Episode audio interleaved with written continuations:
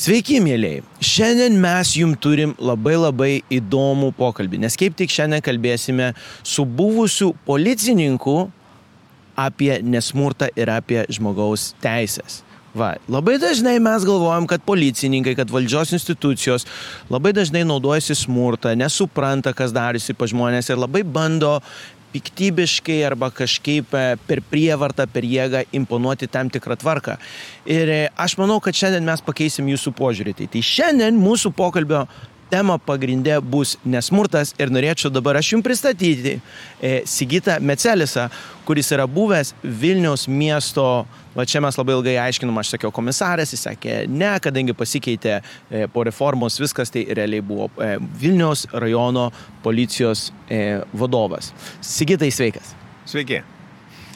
Žiūrėk, pradėkim nuo tokio paprasto dalyko. Pradėkim nuo to, kaip žmonės žiūri policininkus dažniausiai ir kaip tai žiūri kaip autoritetą ir ne taip kaip ne visada kaip draugas.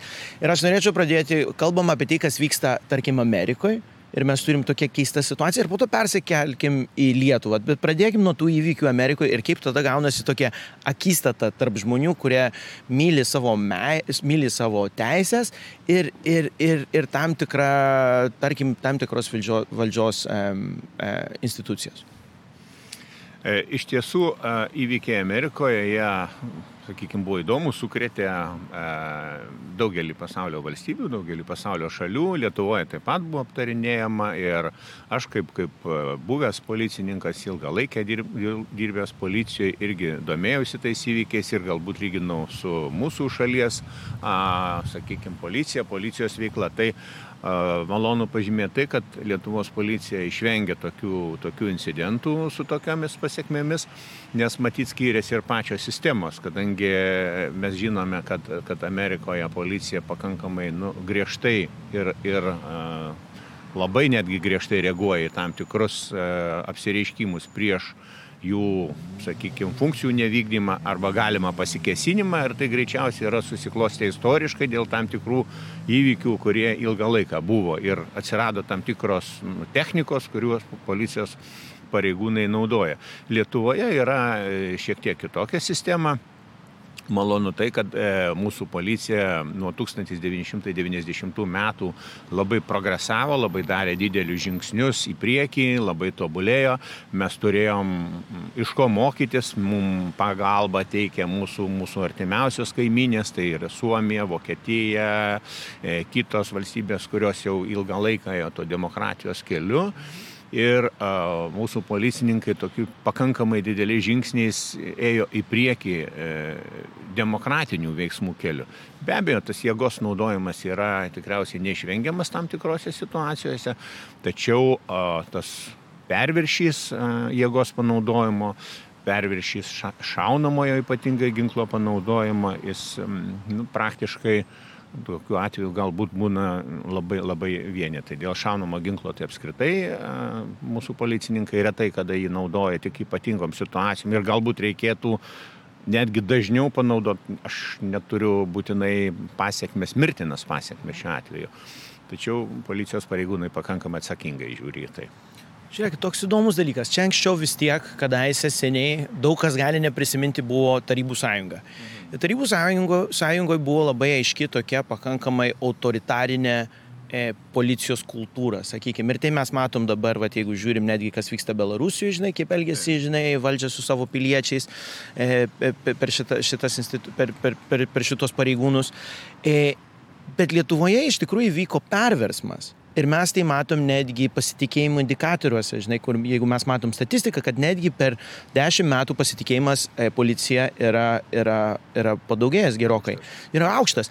Kas atsitiko, kaip, koks buvo, ar tai buvo kultūrinis pokytis, ar kas įvyko, kad, kad realiai gerėtų ta situacija ir ką reiktų padaryti, kad dar toliau gerėtų? E, kaip jau minėjau, nuo, nu, sakykime, po, po 1990 metų atkūrus nepriklausomybę buvo pakankamai daug daroma policijos pareigūnų tam, lavinimui, kvalifikacijos kelimui. Mes turėjom tikrai puikią Lietuvos policijos akademiją, kurią ir aš esu baigęs ir, ir tikrai turiu, sakykime, galimybę pasakyti, kad tai dirbo labai aukštos kvalifikacijos specialistai Mes turėjom policijos mokyklas bent kelias, šiuo metu dėja šiek tiek ta sistema yra pakrykus ir kalbam apie tai, kad vis tik tai gal reikėtų turėti specializuotą aukštąją ugdymo įstaigą, kur būtų ruošiami policijos pareigūnai arba statutiniai pareigūnai ir šitas klausimas tikriausiai yra tikslingas, kadangi vis tik tai yra, mm, sakykime, baigti teisės studijas, a, tarkim, policijos pareigūnui vien to nepakanka. Yra pakankamai daug kitų specifinių veiklų, tai žvalgybinė veikla, mm, nežinau, tyrimai įvairūs, kriminalinės ekspertizės, kriminalistinės ekspertizės ir taip toliau. Tai yra tam tikra specifika, kaip ir gydytojai, mokytojai ar ne, kitos specialybės, kur vis tik tai turėtumėm susikoncentruoti. Tai tas siekis turėti savo mokymo įstaigą, kur būtų tokie ruošiami specialistai, yra tikslinga. Tai, kaip minėjau, reiškia, turėjom policijos mokyklas, turėjom policijos akademiją, toliau a, labai daug stažavomės užsienyje.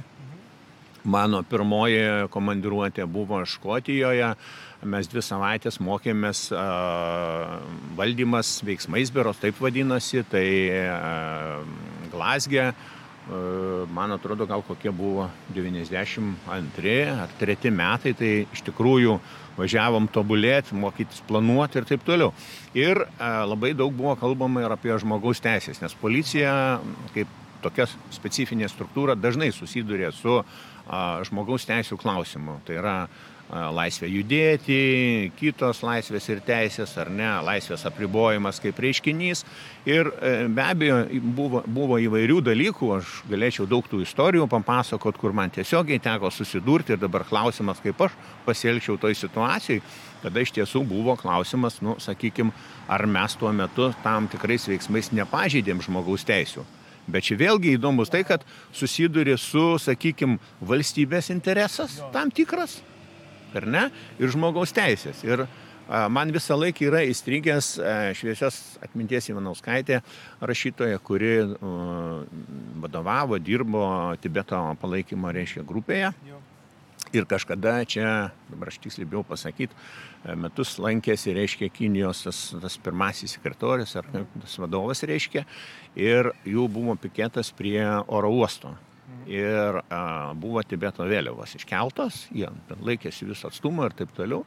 Ir ambasado, Kinijos ambasados darbuotojai, kiti atsakingi pareigūnai iš Kinijos pusės pareikalavo, reiškia, kad nebūtų vėliavų, kai važiuos kortežas, nes tai mes jau tada nieko nematėm blogo iškeltoje vėliavoje, teisėtoje kitos, kitos šalies ar, ar organizacijos vėliavoje. Bet klausimas buvo toks, kai lėktuvas kirto sieną, a, buvo pasakyta, jeigu šitie demonstrantai, piketuotojai stovės su vėliavom, tai a, lėktuvas nenusileis Vilniuje. Ir tada mat iškilo klausimas, reiškia, kaip, kaip pasielgti, reiškia. Ir tikrai sprendimą reikėjo priimti greitai. Ir mes tikriausiai, aš tuo metu e, buvau atsakingas už tam tikrą dalį vizito mes priėmėm sprendimą tokį, kad tų vėliavų nesimatytų. Mes nenaudojom smurto, tiesiog mes pasinaudojom tam tikrom gudriom technologijom, tuo metu buvusiais autobusais, kurie sustatėm, kai kurios vėliavos buvo kortežo metu važiuojant nuleistos, bet vat ir iškilo klausimas, reiškia, žmogaus teisės reikš savo pažiūras, ne? ir šiuo atveju valstybės interesas lėktuvas nenusileidžia. Po to vyko tyrimas ir tyrimo metu aš paklausiau, kas būtų didesnė mums atsakomybė. Mes, mes nu, turėjom tyrimą, kai kurie pareigūnai už tai ir atsakė, bet iš principo klausimus buvo, kur buvo blogiau, ar kad nenusileistų lėktuvas, ar vis tik tai vatas. Ir tuo metu taip, nu, šiai dienai e, greičiausiai aš tokio sprendimo būčiau neprieėmęs, kadangi man žmogaus teisės apskritai m, tapo labai svarbus dalykas, einant mūsų nepriklausomybės keliu. Čia yra toks įdomus klausimas, man labai patiko ir kaip jūs pasakėt, kad, kad čia va tas esminis klausimas, kuris turėtų bėgti per kiekvieno policininko galvą, kiekvieną kartą, kai susiduria su įvykiu. Kaip turėčiau el elgtis, žinai, ką aš turėčiau daryti, kas, žinai, ka, kaip man pagal savo vertybės atlikti savo pareigą, bet irgi išlikti tikrą savimi. Ir vad man labai patiko, vad beveik ta užuomina jūsų, kur kur kaip tada padaryti, kad tas, tas pareigūnas eilinis būtų tas žmogus, kuris atneša santeiką į situaciją, o ne būtent pagal tą seną tradiciją su, žinai, banano, su bananu tvarko viską. Ir man dabar, vad, vienas iš tų pavyzdžių, dabar jeigu žiūrėtum, gal prisimenu, dabar visai neseniai e, Egidijų dragūnas, Sela, žinai, vėl turėjo kažkokią keistatą su pareigūnais, kur jis sako, čia mano teisės. E, ir turim tokią pakankamai įdomią situaciją, nu kaip tada turi pareigūnas vėl ne kaip patinas alfa rodyti savo galią ir taip ir tą, bet realiai drausminti žmonės, kurie kartais nu, nesupranta, kas yra teisė, kas yra laisvė. E, klausimas visada yra sudėtingas, nes e, kiekvienas pareigūnas yra asmenybė, pirmoji. Tai yra, tai yra jo išsi, išsi, išsiugdymas, jo mm, moralė, jo, sakykime, net vaikystė, šeimos, ta prasme, kaip jisai. Tačiau a, ir jūsų paminėto atveju, e, aš galiu pasakyti, yra toks dalykas kaip a, pareigūno teisėtas reikalavimas, nes teisėto reikalavimo nevykdymas, jisai užtraukia tam tikrą atsakomybę. Bet visada iškyla klausimas kitai pusiai, ar tas reikalavimas yra teisėtas. Ar aš negaliu piknaudžiauti neteisėtų reikalavimo, ne? A, ir jo nevykdymu, kuris man paskui atsakomybę uždeda. Tai džiugu tai, kad e, vis tik tai po to tos bylos keliauja iki teismo ir mūsų teismai iš tiesų irgi tobulėja ir, ir tobulės, nepriklausomai nuo tų vat, įvairiausių nuskambėjusių įvykių. Ir teisme vis tik tai didžiaja dalim ta, tas grūdas išgryninamas, ta tiesa atsiranda. Tai šiuo atveju, sakykime, aš nežinau tos, tos konkrečiai e, įvykių eigos, kaip ten kas buvo, bet e, greičiausiai tai vis tiek byla keliaus iki teismo ir teismas priims galutinį sprendimą šitoje vietoje. Sakykime, ar pareigūnas viršijo savo įgaliojimus ir jo reikalavimai buvo teisėti šitoje vietoje tikrai ir ar jūsų paminėtas atlikėjas, reiškia, iš tikrųjų buvo teisus toj situacijai. Nes e, kalbant apie žmogaus teisės, žmogaus laisvės, tai e, pirmai irgi paminėjai, reiškia, vat, mūsų kaimyną rytuose, e, Baltarusija, tai ten yra akivaizdu e, grubiausi žmogaus teisų pažeidimai. Grubiausi, tai yra susirinkimas taikiam mitingui, tai jisai yra nu, garantuojamas įvairiose konvencijose ir, ir, ir deklaracijose. Ir žmogų vien dėl to sulaikyti, kad jisai išreiškia savo uh, savo mintis, savo požiūrį, taikiai išreiškia. Tai čia yra grubiausias pažeidimas ir akivaizdu, kad ta mūsų kaiminė valstybė dar tikrai ilgai reikės mokytis ir svarbiausia, visuomeniai atsiranda ir požiūris į tuos pareigūnus, jis atsiranda smerkintis. Tada tie pareigūnai aklai vykdydami tos įstatymus, jie patys turės didelių problemų ateityje, sakykime, Baltarusijai tapus demokratinė valstybė, kaip tu galėsi pasakyti, kad aš ten dirbau, tam reiškia omonė ir iškart bus tau dėmėto atveju. Iškart bus dėmėto. Nepriklausomai, koks tu ten buvai. Bet čia yra tas įdomus dalykas, kad kartais įstatymai, moralė ir šiaip bendra, tarkim, etika visuomenės, jos juda skirtingų greičių. Dabar labai gerai, kad mes apčiupiam visas šitas temas, nuoširdžiai įdomu. E, pakalbėkime apie vieną dalyką. Jūs, jūs tada minėjot, kad e, jūs kaip patriotas e, E, jum kaip patriotas vienas iš, iš didžiausių, svarbiausių dalykų yra žmogaus teisės. Ir, ir, ir jūs dabar einate į Seimą kaip vienas iš Lietuvo žaliųjų partijų kandidatų.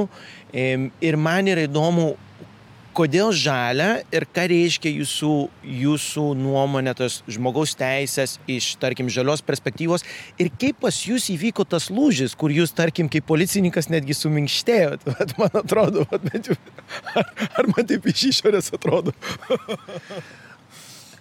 tai tiesiog tai yra svarbu. Čia uh, galima labai daug daryti e, pjūvių šito klausimu, bet mes žinom, kad žmogaus teisės tai yra pam, pam, pamatinė vertybė šitoje vietoje.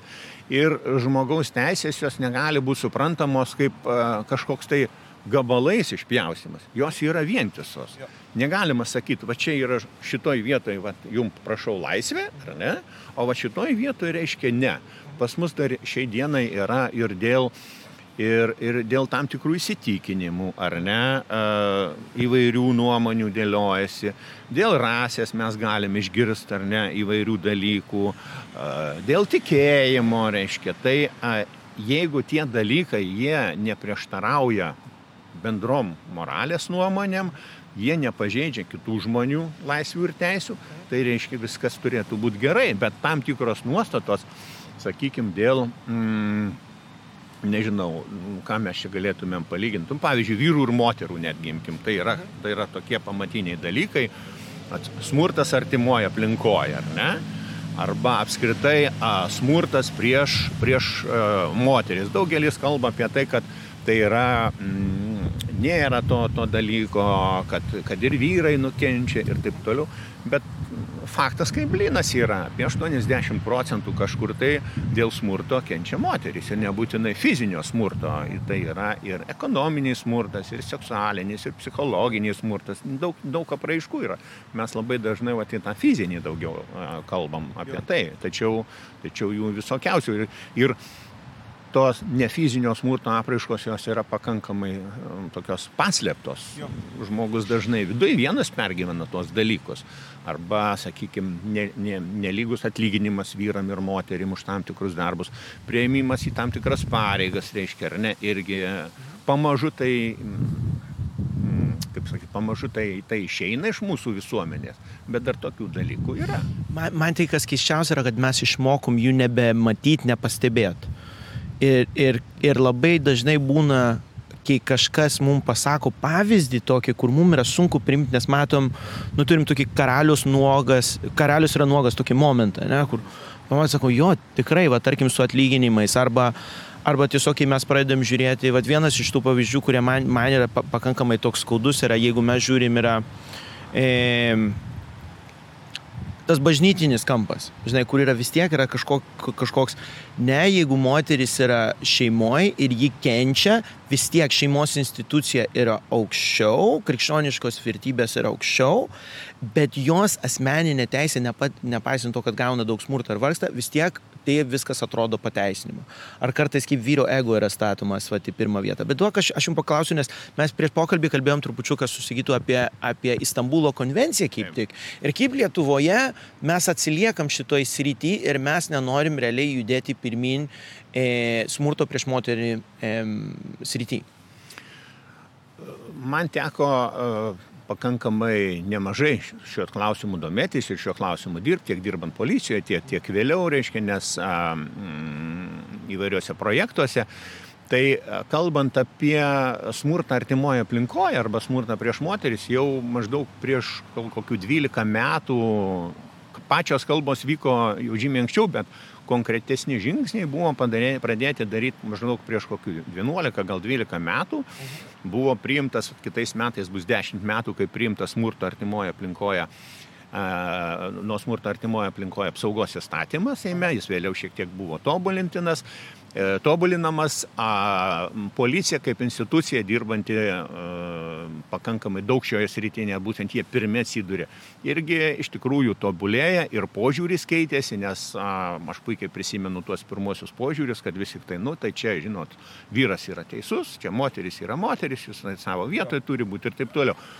E, tačiau tenka pripažinti, kad tikriausiai dažnai išgirstam ir iš kai kurių mūsų politikų tam tikrų pasisakymų. Ir vat, e, paminėjai irgi apie Stambulo konvenciją. Tai yra dokumentas, kuris yra labai svarbus, kuris kalba ne tik tai apie smurtą artimoje aplinkoje, jisai kalba prie, apie smurtą prieš moteris. Nes pas mus yra pakankamai daug neįgymo, kad a, tai nėra smurtas a, prieš lytį, prieš moterį šiuo atveju. Tai yra apskritai, na ten, žinot, nu, tai yra asocialių asmenų problemos, tai yra išgėrusių žmonių problemos ir taip toliau.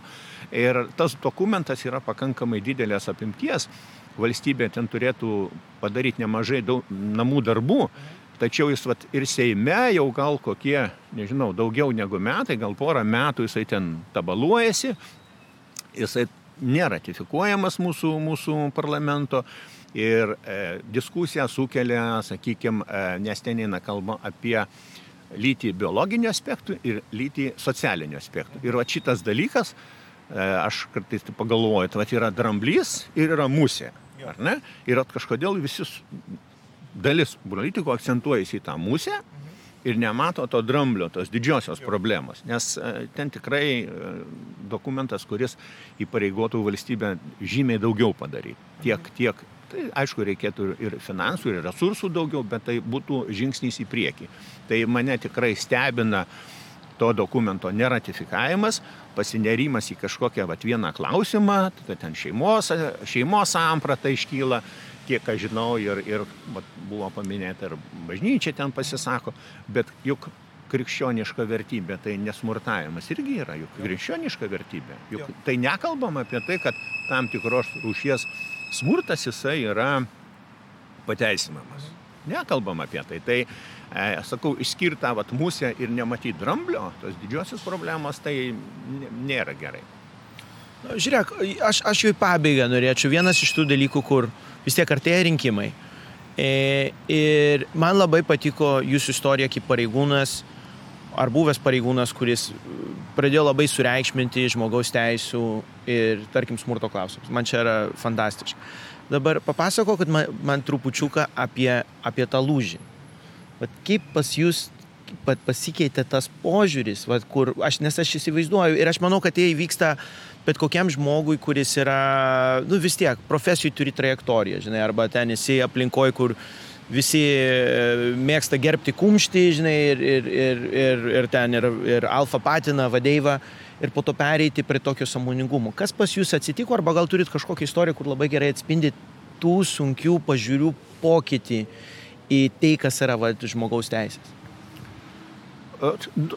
Aš nepasakyčiau, kad čia kažkokiu metu vat, lūžau reiškia, nes buvau vienos pusės šalininkas po to. Ne, aš, iki, iki, aš policijoje pradėjau dirbti 90 metais, atkūrus e, nepriklausomybę Lietuvoje, iki tol dirbau mokykloje beveik 10 metų. Tai, e, sakykime, darbas, aš dirbau su paaugliais, 14-16 metų, truputį vyresnės, kur tas kritinis amžius, kur iš tikrųjų mm, reikia ir daug kantrybės ir, ir ištermės, ir nežinau, ar dabar aš tiek jos turėčiau, jau sakykim, nes, nes tai yra, tuo metu buvo šiek tiek, šiek tiek jaunesni negu aš, pats būdamas to pedagogo.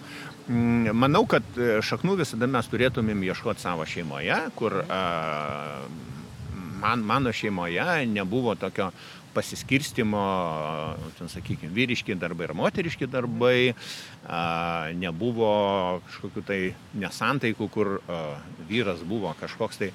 Tiesiog, aš gimiau ir augau kaime, tai be abejo, vyrai visada dirbdavo sunkius fizinius darbus, kad tam reikėjo fizinės daugiau jėgos, moterys turėjo kitus rūpešius, bet visa tai būdavo apjungiama, nu, sakykime taip, bendrų interesų, šeimos interesų, išgyvenimo interesų ir taip toliau.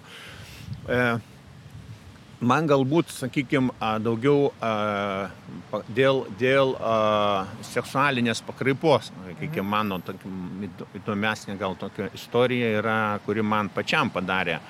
Nes be abejo, sovietmečių tai, kaip žinia, homoseksualizmas buvo baudžiama atsakomybė, užtraukdavo ir taip toliau.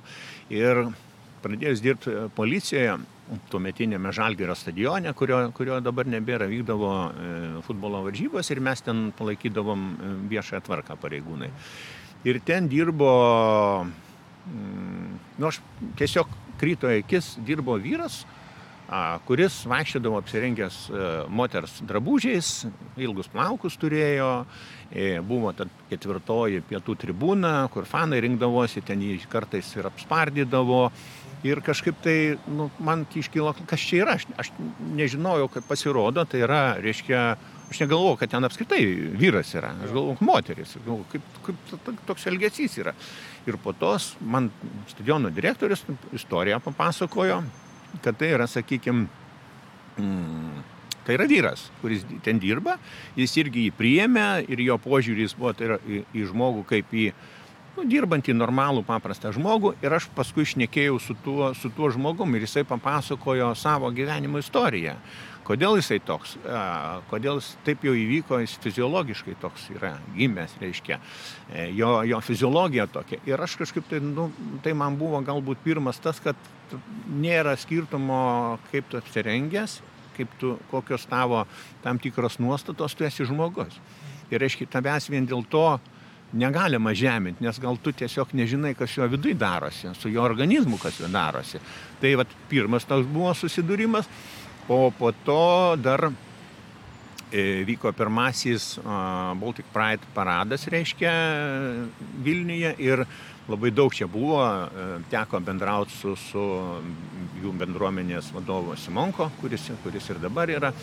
Ir iš tikrųjų Vilniaus savivaldybei buvo svarstamas klausimas, kaip leisti, reiškia, tas eitynės.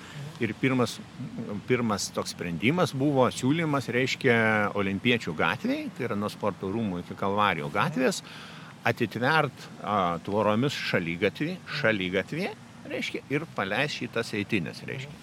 Ir aš tada mm, labai prieštaravau tam, nes man tai priminė kažkokį, nežinau, nu, nežmoniškas sąlygas, įsivaizduokime atitvertą kokie 2-3 metrai pločio, jo. iš abiejų pusių, reiškia, stovi ten ta priešininkai mhm. ir šitos eitinės. Tai irgi bendraujant su tai žmonėmis, tiesiog tu supranti, kad tai yra negalima išskirti kažkaip tai kitaip.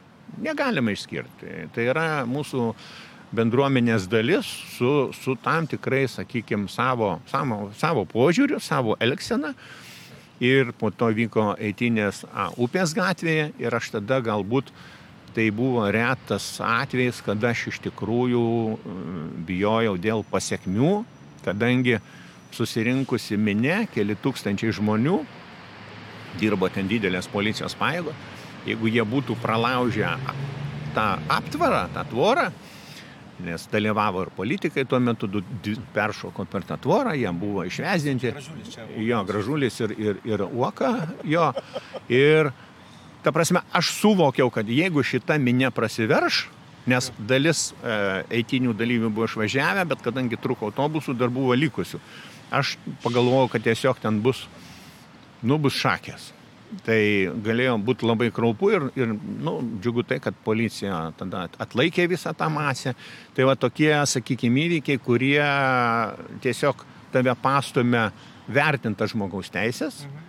ginti tuos, kurie a, ga, turi tą pažeidžiamumą dėl, dėl savo tam tikrų nuostatų ir tiesiog būti jų, jų pagalbininku. Tai čia mes ir taborą turėjom kažkada, reiškia, ir kitus dalykus. Tai tokios vat istorijos, kurios, sakykime, jos ne tai, kad, ne tai, kad lūžys įvyksta. Tiesiog tu turi tam tikrą postumį, tam tikrom vertybėm, suprasdamas ir tą kitą pusę. Mes labai dažnai kalbam apie kažkokius dalykus, nesuprasdami tos kitos pusės. Neįsigilinę į, tai, į, jo, į jo požiūrį, į jo tam tikras nuostatas, mes einam su savo aklai nuostata ir galvojam, kad nu, aš tik tai aš teisų šitoje vietoje. Deja, taip, taip nėra teisinga tikriausiai ir už tai trūksta dialogo. Aš dabar noriu truputį tokį provokuojantį klausimą, nes man šitą tema labai patinka, kad kartais įstatymai nediktuoja moralę. Žinai, kartais yra įstatymas durnas ir nėra, aš manau, e, žmogui, kuriam labiausiai tai pasireiškia, negu policininkui, kuris turi vykdyti durną kažkokį įsakymą. E, ir, ir, ir man tas pavyzdys jūsų, kur Tarybų sąjungoje jūs susidūrėt su, su, su ho, e, homoseksualios pakreipos žmonės arba šiuo atveju e, translyčių turbūt. Ir turbūt, kad jum, galėjo grėsti atsakomybė už tai, kad jūs tą žmogų nepakavot, ne? Ne, tai šiek tiek nė, nėra taip. Sovietmečio aš nedirbau policijoje. Nedirbau. Jo, tai aš su tuo nesusidūriau, bet aš žinau žmonių, kurie dirbo ir Ta prasme, atkūrus nepriklausomybę atsirado laisvės ir samoningumo požiūris pas visus. Nebuvo, kad vat, policija, tuometinė milicija, kai kas, aišku, neperėjo, tie, kurie perėjo, labai daug jaunų žmonių atėjo, kurie baigė mokslus jau, jau sakykime, nepriklausomos Lietuvos policijos įstaigose. Ir jau jie jų buvo nemaža dalis ir, sakykime, ta, tie, kurie galbūt turėjo kitą požiūrį, jie irgi keitėsi. Ir kaip minėjau, buvo labai daug įvairių mokymų, kurių metu buvo, nu, sakykime taip, gerąją prasme plaunamos smegenys. Prasme, diskusija, nuomonių išsakymas, ginčiai, bandymas surasti ir tai irgi davė tam tikrą rezultatą. Matai klausimą, kurį aš noriu išduoti, tai to yra toksai. E, šiuo metu Lietuvoje už tarkim, tarkim už kanapių, žinai, mažiausią mhm. suktinį turimą grėsia nu, neproporcingai didelė atsakomybė. Taip. Tai man klausimas yra, ar jūs manot, nu, kaip buvęs policininkas, kad kartais turėtų atsirasti toks abipusiškas jausmas pas pareigūną, toks vidinis nuogastavimas, kai jis žino, kad tam vaikinui, kuris turbūt daro klaidą savo gyvenime, dabar jam, nu, dėl jo pareigos vykdymo jis visiškai sužlugdys to žmogaus gyvenimą. Man kas nepatinka kai kuriuose politikų sprendimuose, nes tai jie, jie sakykime, tvirtina, leidžia baudžiamuosius šiuo atveju ar ne įstatymus, tai yra sistemingas griežtinimas. Jeigu mes pasižiūrėtumėm, sakykime, pastaruosius keletą metų, pirmas klausimas, jeigu yra problema, ką darom? Griežtinam nuobaudą. E, jūsų paminėta situacija su, su reiškia, įvairiom, įvairiom arbadžolėm, reiškia. Tai, tai iš tikrųjų mes turėjom tokį administracinį kodeksą, kuris dabar vadinasi administracinių nusižengimų kodeksas. Ir ten buvo areštas už tokius dalykus iki 30 parų, bet tai nebuvo baudžiamoji atsakomybė. Dabar tai yra teisiškai teisingai perkelta į baudžiamąjį kodeksą, bet iš karto atsiranda baudžiamoji atsakomybė. Man atrodo, esu skaitęs prieš, prieš keletą metų, mm, gal šiek tiek daugiau, kažkuris Skandinavijos šalis darė tyrimus, tai jeigu, bijau sumeluot, man atrodo apie 70 gal procentų nepilnamečių yra padarę kažkokias veikas, už kurias grėsia vienokia ir kitokia atsakomybė. Tai pas mus greičiausiai, nu, kiekvienas nepilnametis kokia nors yra padaręs, reiškia, ne, nebūtinai nusikalstama, bet, na, ne, nu, kaimyno ten, nežinau, vyšnės išskinės, ar ne. Ir, ir tai yra ir nuotikių ieškojimas, ne, pabandymas kažkokio. Taip, daug yra dalykų. Ir už tai vien, kaip sakykime, kalt jau tą žmogų prie, prie, prie kryžiaus, prie grotų, tikrai nėra, nėra tikslinga. Arba imkim vat, paskutinius dalykus, ar ne, kaip ir dabar dėl, dėl uh, koronaviruso, reiškia. Nu, aš nežinau, kaukės nedėvėjimas 500 eurų minimali bauna. Kaukės nedėjimas. Tai mes pasižiūrėkim, kokia pas mus minimali pensija, ar ne, koks minimalus atlyginimas, kokia bauda už kaukės nedėvėjimą tam tikroje vietoje. Ir pasakyk, nu, ar tai yra adekvatu. Nu, tai nėra adekvatu.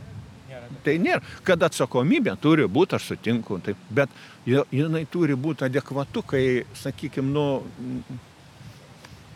turi būti tam tikros proporcijos sudėliotos. Ir tas griežtinimas, jisai išbalansuoja visą sistemą. Ir paskui mes turim tai, kad reiškia už smulkmeną pas mus grėsia didelė atsakomybė, o už nusikalstamą veiką, kur galbūt tikrai reikėtų atsakomybės, jinai ten vat, nubanguoja į, į tokią minimalę. Man žinau, man atrodo, palikom šitą pokalbį vat, aukštoj vietoj. Sigitai, didžiausias ačiū Jums, buvo be galo įdomu, tikrai nuoširdžiai. Tai nežinau, rezumuojant, man toks labai patiko, yra, kad jeigu mes norim e, žmogaus teisų srity e, daugiau nesmurto, e, reikia būtinai daugiau samoningumo, proporciškumo ir tokio atsasmeninės atsakomybės irgi tuo pačiu realiai pagalvoti apie mūsų e, poveikį. E, Mėlyje, jeigu turėsi dar klausimus Sigitui, tai jis atsakys, aš manau, po šito įrašo be jokios abejonės, bet irgi turėkite omeny, kad rinkimuose jis yra, e, koks tavo numeris? Mano 11, bent aš dar ir Utenos vienmandatėje, taip kad uh, Uteniškė mane daugiau gal žino, Lietuvoje galbūt šiek tiek mažiau esu žinomas, bet mano Mūsų Lietuvo žaliųjų partijos sąrašas numeris 14, mano numeris 11, bet aš manau, kas yra svarbu, yra reikia eiti į rinkimus. Pirmiausia, tai yra reikia eiti į rinkimus, reikia balsuoti, kad praėjus rinkimam nekalbėtumėm, reiškia, ne tuos išrinkom, bet pasirodo, ne jau aš į rinkimus ir nebalsavau. Tai eik, pasirink tai, kas yra aktualu ir pasižiūrėt, e, reiškia, politikų, kokia jų yra reputacija. Tai yra labai svarbu mes kalbam apie korupciją, kitus dalykus, tai mes pasižiūrėkim, reiškia, ar kokia jo buvo praeitis, ką jisai darė, ką jisai kalba ir kodėl jisai taip nori ateiti į tą valdžią, koks jo yra tikslas. Ar padėti žmogui, ar aukštinti žmogaus teisės, ar tiesiog uh, ieškoti savo asmeninės naudos šitoje vietoje. Tai yra labai svarbu. Gauti neliečialbybės. irgi. irgi. Sakytai, ačiū labai. Dėkui, malonu. Iki.